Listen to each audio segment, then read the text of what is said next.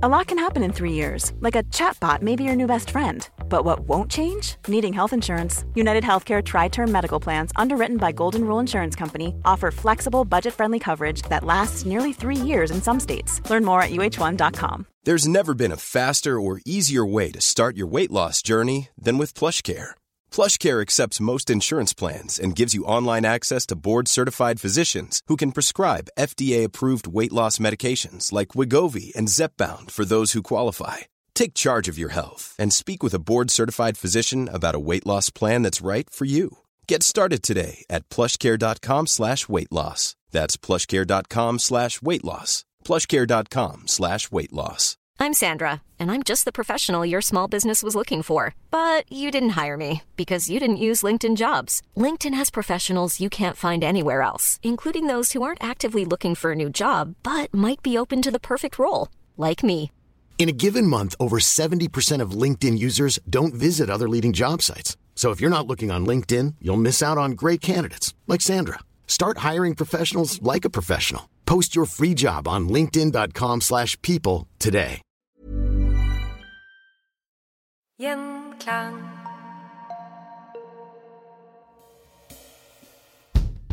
Med Gerhardsens ønske om å ta i bruk hele Norge når landet skulle eh, bygges etter krigen, så ble energipolitikk noe som kom tettere på folk. Strøm i alle hus, og ikke minst til all industri. Den norske miljødebatten oppstår når ønsket om industriell fremgang og økonomisk vekst går på bekostning av eldgammel norsk natur og miljø. Men har det egentlig skjedd så mye med den norske miljødebatten? Har den klart å endre Norge?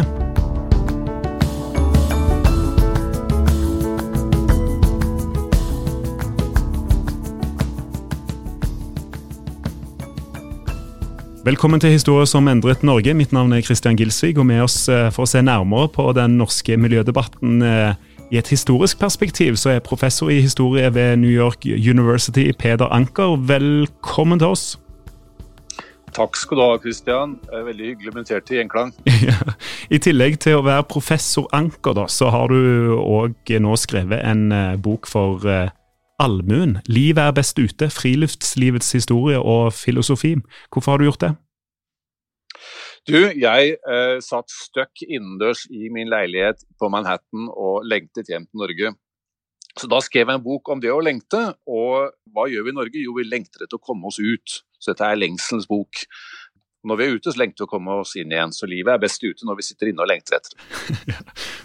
må, du, må du så langt vekk for å sette mer pris på den norske naturen? Jeg tror det. Det var på en måte eh, fint å sitte i New York og betrakte Norge fra avstand. Uh, og, og, se Norge på en måte litt utenfra. Nå har jeg jo skrevet om uh, norsk friluftsliv og norsk miljøhistorie i flere bøker, så jeg kjenner jo måte temaet godt. Men det var veldig gøy å oppsummere det på en, i en folkelig bok, og ikke bare fagartikler.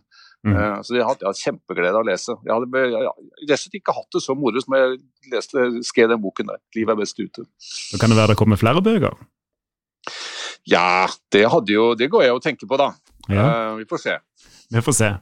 Som du skriver i boka, så er det ikke så vanlig å behandle naturen i en sånn historisk kontekst. Du er jo professor i historie og syns allikevel at det er en viktig del av historien vår som fortjener mer plass. Eh, og så registrerer jeg òg at du liker å provosere litt med det òg i, i boka di. Eh, et godt eksempel hvor du lager en dødsannonse for Hallingdalselva. Kan du beskrive hvordan du tenker rundt det?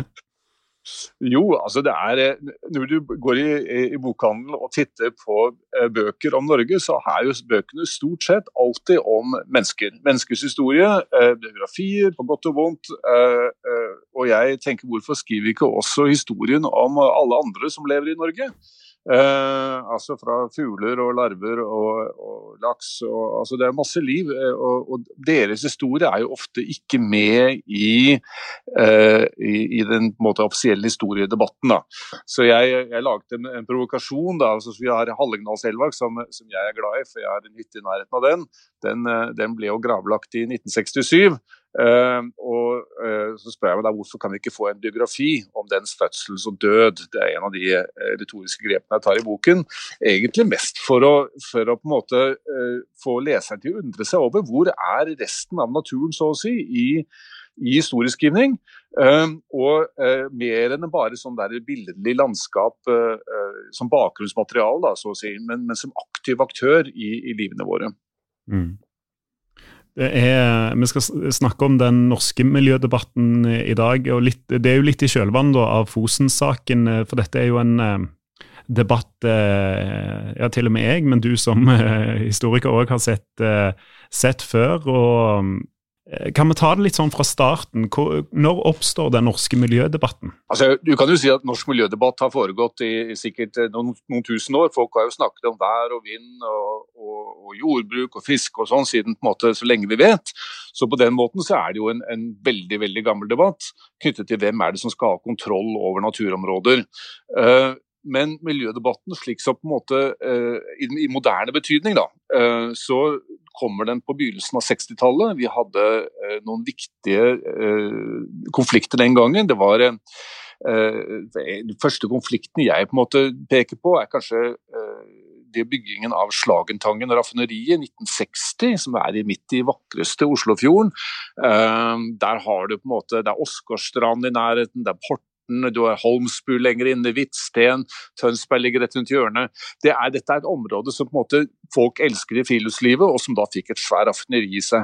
Uh, det skapte masse debatt uh, fra 60-tallet og utover. og Så var det snakk om å skulle lage da en ny, uh, utvidet, men, men oljekraftverk der sånn, da, som det ikke ble noe av.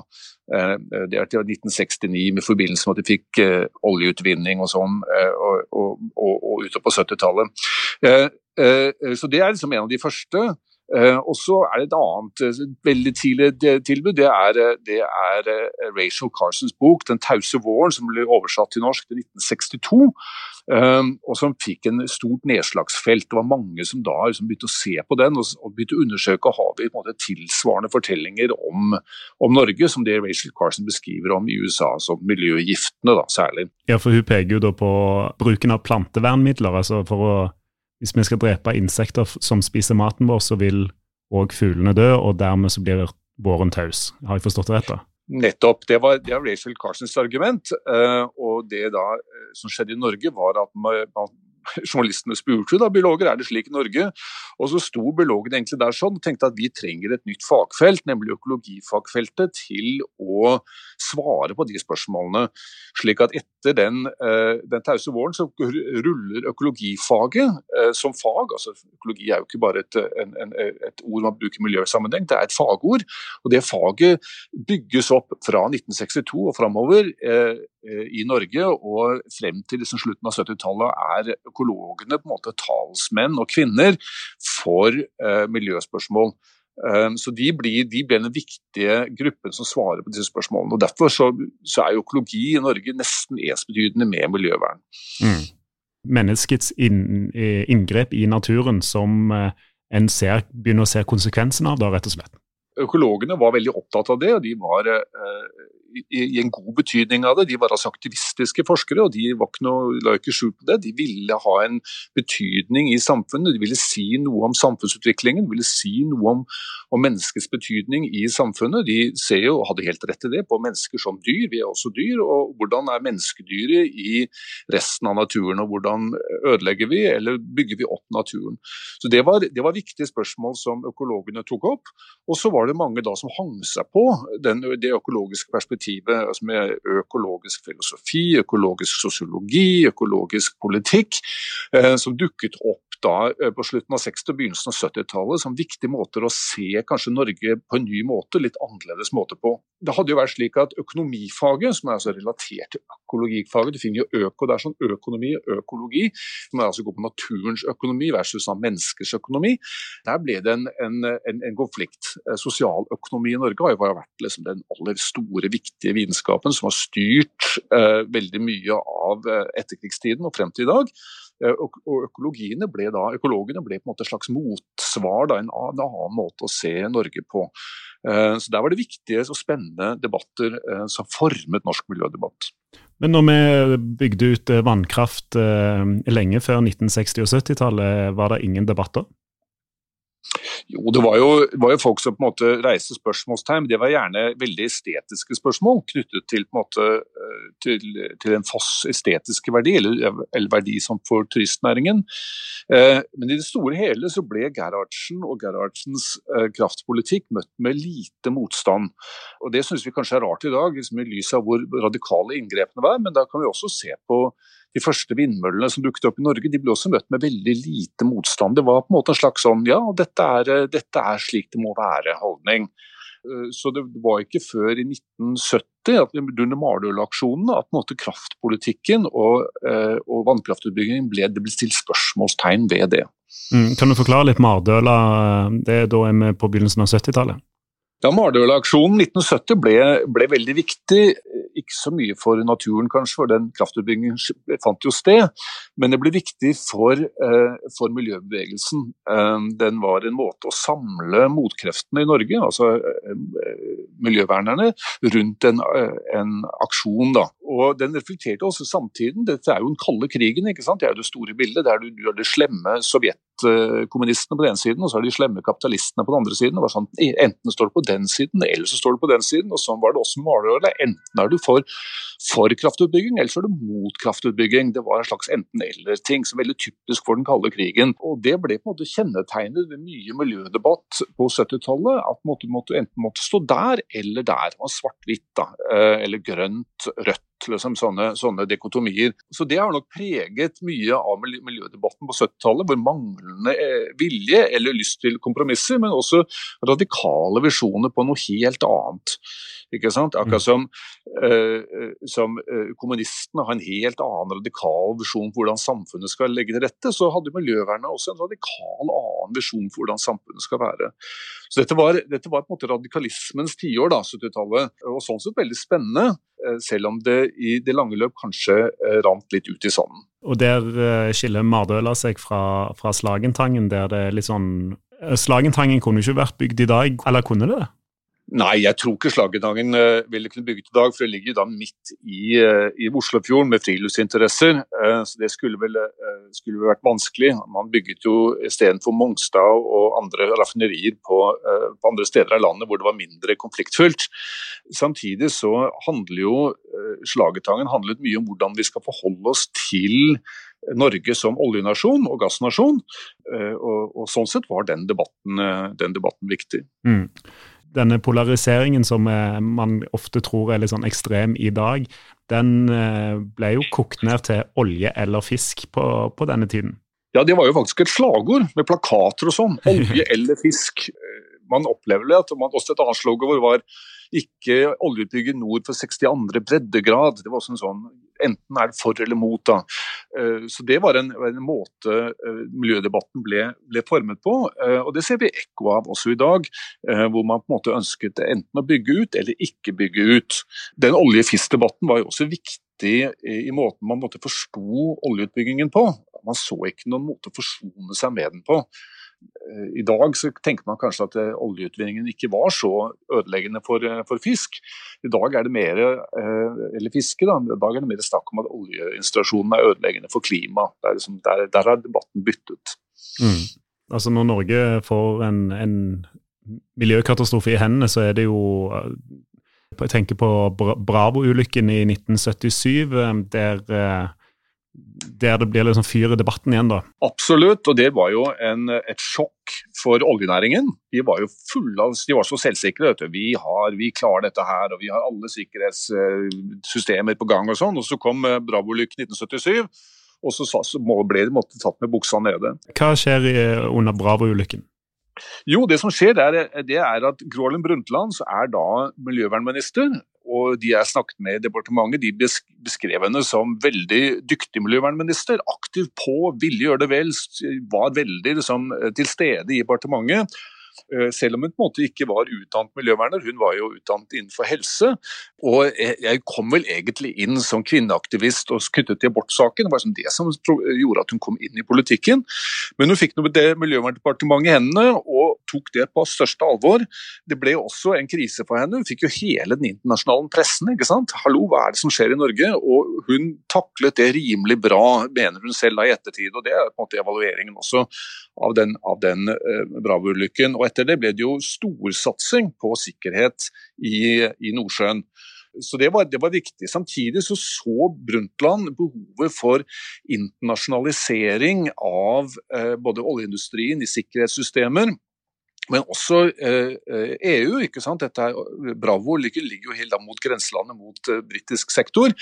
Eh, så, så, dette med samarbeid med over landegrensene ble viktig for henne. Eh, det hadde hun også opplevd knyttet til sur nedbør-debatten som rast den gangen. altså det Gjennom at det kommer sur nedbør fra England og faller i Norge og ødelegger lakseelvene våre. Det vil mente hun også viktig på å få til internasjonalt samarbeid. og Dette knytter til EU-debatten. altså Hun var for EU, eh, eller EF som det het den gangen. Eh, så, så den debatten om sur nedbør eh, pekte for henne på internasjonale løsninger. Og det det er ekko av det vi fant når hun senere ble opptatt av eh, Verdenskommisjonen for miljø og utvikling, sustainable development, altså bærekraftig utvikling, disse tingene, og ikke minst eh, klimaforandringer. Alt dette har et, har et ekko tilbake til Sur Nedbø-debatten og denne behoven for internasjonalt samarbeid som vi nå finner eh, som er helt sentralt sant, i Arbeiderpartiets måte å se miljøproblemet på. Det er internasjonalt samarbeid som teller. Så her er det et gammelt ekko tilbake til Bravo og til Sur Nedbør. Og det er jo ekko i partikontorene til Arbeiderpartiet som er litt sånn som er litt sånn gjennomgående her òg, i og med at vi starta litt med Gerhardsen. Og så er det jo eh, Gro som eh, skal føre denne politikken eh, videre. og Gro, Gro Harlem Brundtland hun er på en så merkelig vis i begivenhetenes sentrum, òg når vi kommer til Alta-saken. Ja, hun var, eh, hun var, jo den som på en måte trumfet gjennom Alta-saken, og sånn sett ble hun jo miljøvernets store skurk i 1981 var det vel en avgjørelse som ble tatt. Hun ble jo da sett på som både antimiljøverner og eh, anti-samers rettigheter. Eh, noen i ettertid, da når hun ble statsminister igjen, altså på slutten av 80-tallet, 91, tok ordentlig tak i. Først tok hun tak i det som da leder av Verdenskommisjonen for miljø og utvikling, eh, hvor hun da tok miljøvern på største alvor, og også samers rettigheter, eller urbefolkningsrettigheter. Og så var det med å få, få i stand Sametinget og sånne ting. Så hun tok jo tok ikke på alvor den kritikken eh, eh, som kom etter Alta-saken. Det er viktig å se at Brundtland hun er jo ikke en slags sånn, eh, hun, hun, forandrer seg også over tid. og Hun blir jo nok mer og mer opptatt av miljøvern og ikke minst samers rettigheter over tid. Eh, ettersom hun også lærer og utvikler seg som politiker. Eh, hun likte nok veldig dårlig i 1982-83 å bli sett på som på en måte den store miljøskurken da, etter Alta-saken. Life is full of awesome what ifs, and some not so much, like unexpected medical costs. That's why United Healthcare provides Health Protector Guard fixed indemnity insurance plans to supplement your primary plan and help manage out of pocket costs. Learn more at uh1.com. Hey, I'm Ryan Reynolds. Recently, I asked Mint Mobile's legal team if big wireless companies are allowed to raise prices due to inflation. They said yes. And then when I asked if raising prices technically violates those onerous two year contracts, they said, What the f? are you talking about, you insane Hollywood ass? So to recap, we're cutting the price of Mint Unlimited from $30 a month to just $15 a month. Give it a try at mintmobile.com slash switch. $45 up front for three months plus taxes and fees. Promoting for new customers for limited time. Unlimited more than 40 gigabytes per month. Slows. Full terms at mintmobile.com. A lot can happen in three years. Like a chatbot may be your new best friend. But what won't change? Needing health insurance. United Healthcare Tri-Term Medical Plans, underwritten by Golden Rule Insurance Company, offer flexible, budget-friendly coverage that lasts nearly three years in some states. Learn more at uh1.com. Kan vi få en liten innføring i Alta-saken òg? For den, jo, den, eh, den, blir jo dratt opp òg når, når, vi har vært gjennom eh, Fosen-saken og sett demonstrasjonene. Ja, altså Mardøla-saken det var på en måte den, den, det mytiske eh, opphavet for miljøbevegelsen Norge. Alta-saken ble det som sementiserte, eh, eh laget et fundament på en måte hvordan miljødebattene ble laget i Norge. Og Der er det for eller mot eh, Alta-utbyggingen ble det, største og mest opprivende konflikten kanskje vi har hatt i etterkrigstiden. Jeg tror det er den aller største politiaksjonen i hvert fall etter etterkrigstiden. Uh, så, uh, så dette, det var alvor, og det foregikk over mange år. Startet i 1968 og ble da ferdig med høyesterettsdommen i 1982. Og uh, med altså, flere tusen aktivister som var involvert. Ehm, så, så, eh, så Mardøla var altså 50-60 mennesker. Eh, Alta-saken var svært og stort og var foran Stortinget eh, med samenes rettigheter i sentrum. Det var på en måte to konfliktlinjer. Det ene var samenes rettigheter, og det andre var miljøspørsmål. Så, og Enden på visa var jo at Høyesterett eh, dømte at Alta-saken var lovlig. Eh, utbyggingen var lovlig. Eh, mange mente at de der ikke tok inn over seg samenes rettigheter og samenes, samenes stilling. Og Det er på en måte, måte tilfellet. Jeg har lest den dommen igjen, og det er, ikke, det er ganske, ganske vagt det Høyesterett der sier om samenes eh, status. Um, så, uh, så, så, så det, det, er på en måte viktig tror jeg, for å forstå hva som um, skjedde med Høyesterett i dag. De har på en måte sett tilbake på sin egen kanskje rolle uh, som, uh, som sted hvor, hvor, samene kan gå, og så har de nå tatt en, en, en ny, ny, stilling. da. Så, så Alta-saken ble, ble, kjempeviktig for, for miljødebatten. Men mitt inntrykk er jo òg eh, at Alta-saken eh, løfter miljødebatten på et eh, nivå hvor det kommer inn i alle norske hjem, og alle må, ta, eh, må forholde seg til Alta-saken på en eller annen måte. Absolutt. Det var akkurat som, eh, som EU-debatten liksom løftet inn i alle norske hjem. Det Alta-saken det var jo forsiden i avisen, alle landets aviser liksom i i flere år. Så det er klart at Dette ble diskutert ut og inn i alle norske hjem. Alle måtte nå mene noe om Alta. Hva, hva mener du om Alta? Så, eh, så, på den måten så ble, så ble, det veldig viktig. Samtidig så ble jo, endte det jo på en måte med kompromisser. ikke sant? Eh, Mardøla-saken endte med kompromiss. Man, man skrur på fossen i sommermånedene, det ble kompromisset der. Alta-saken ble kompromiss. Man, man, forsøker å gjøre noe med til, vann til laksen, og man senker demningen. da, eh, Slik at den ikke skal bli så stor som man hadde opprinnelig planlagt. Så, slik at det er sånne kompromissløsninger som, der, som graver seg frem, og de, og de er ofte glemt i, når vi ser tilbake på saken. Men løser vi, løser vi noe da, hvis vi går på et nytt kompromiss? Nei.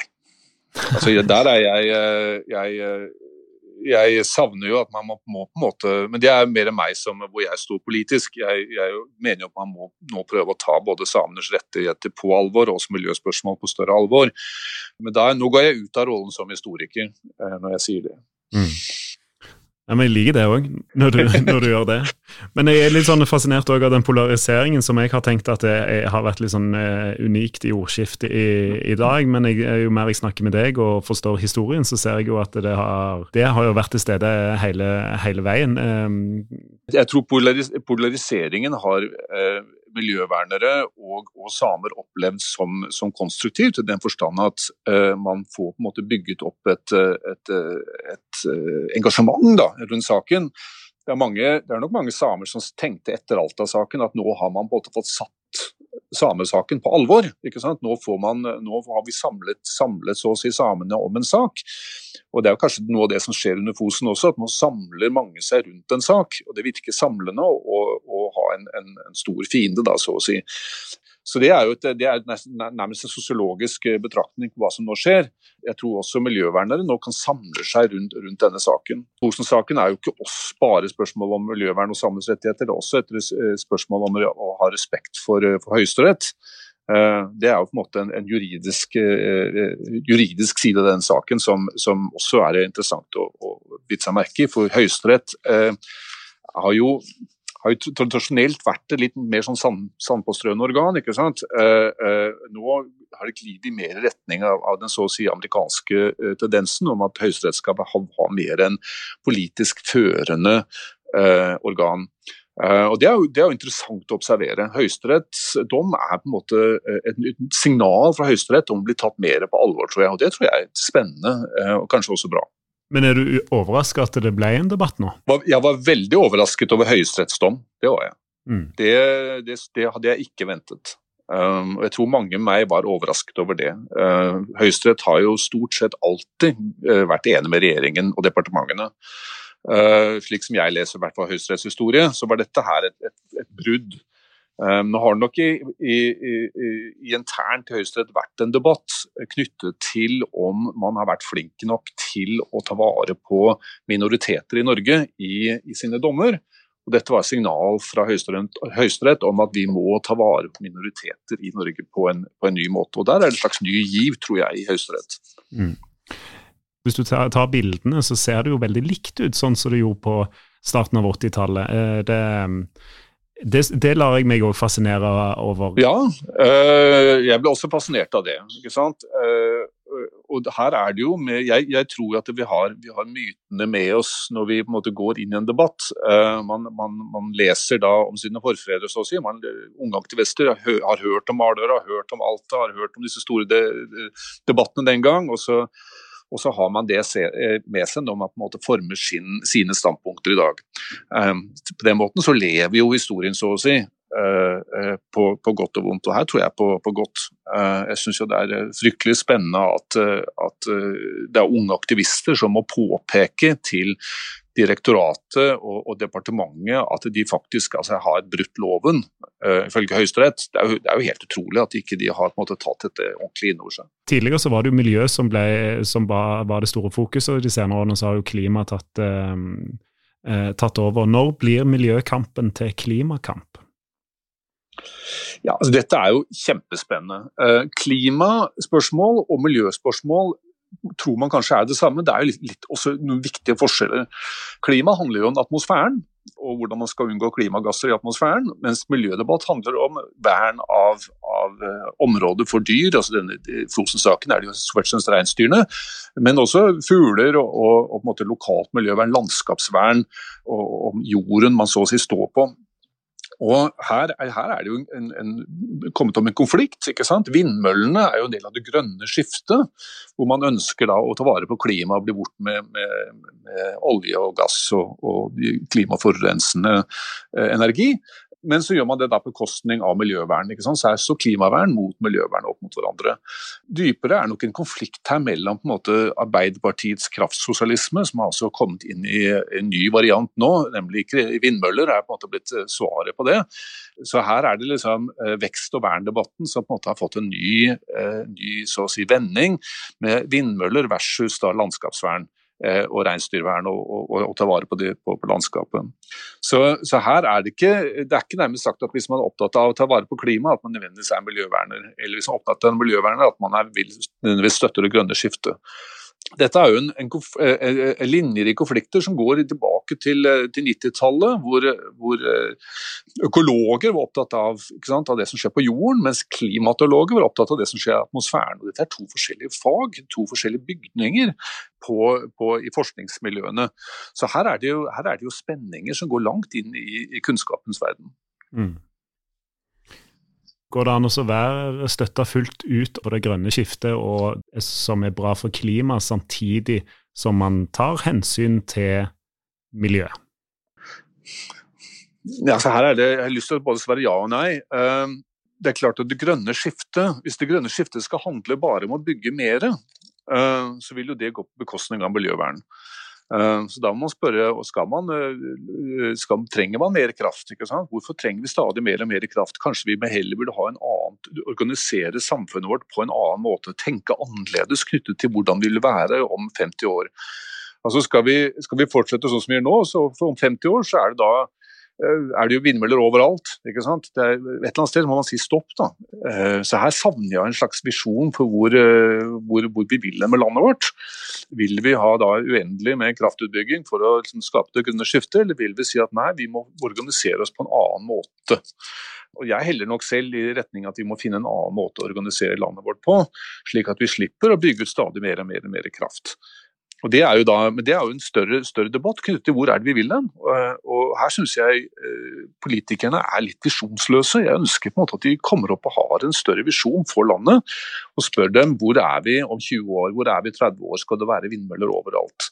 Det type spørsmål.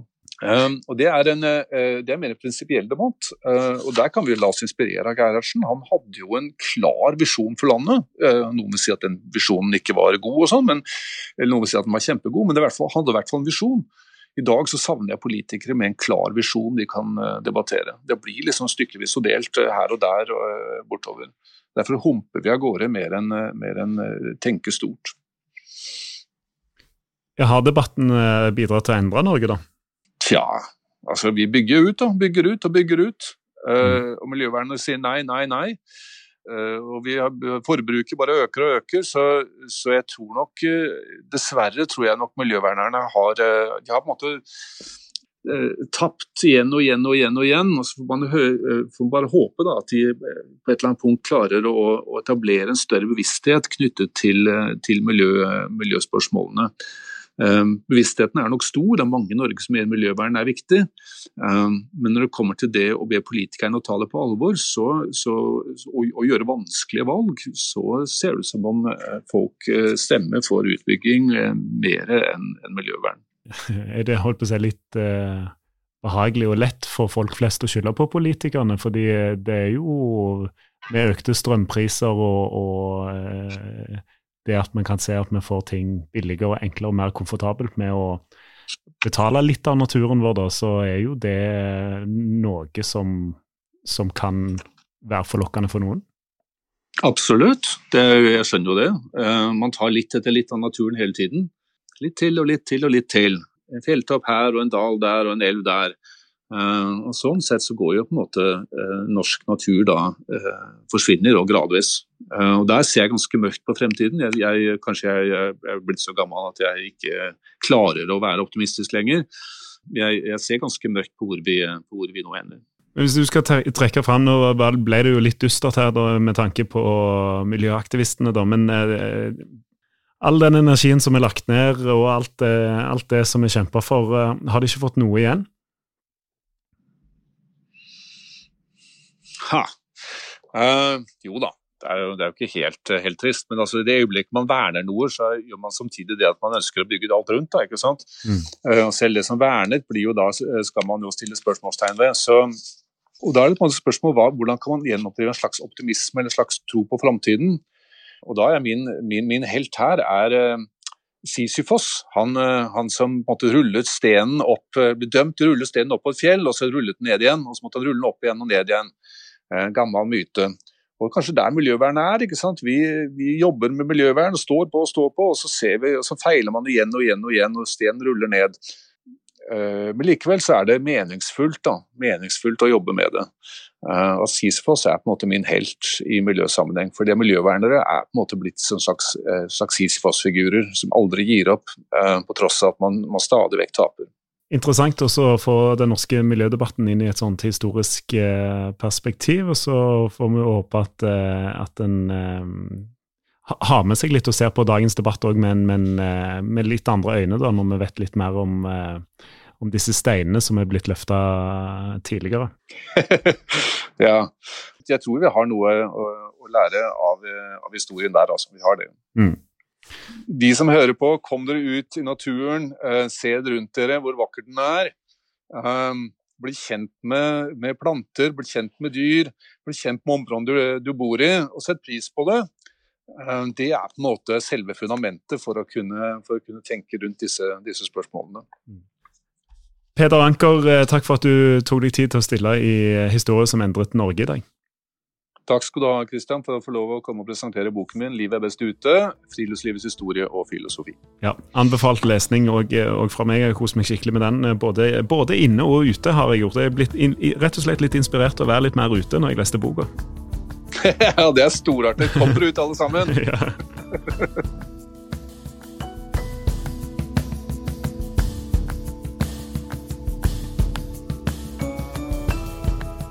Følg historier som endret Norge på Instagram. Der legger vi ut bilder og videoer som er relatert til episodene. Der kan du også komme i kontakt med meg om du har episodeønsker. Vi ses der! Gjenklang.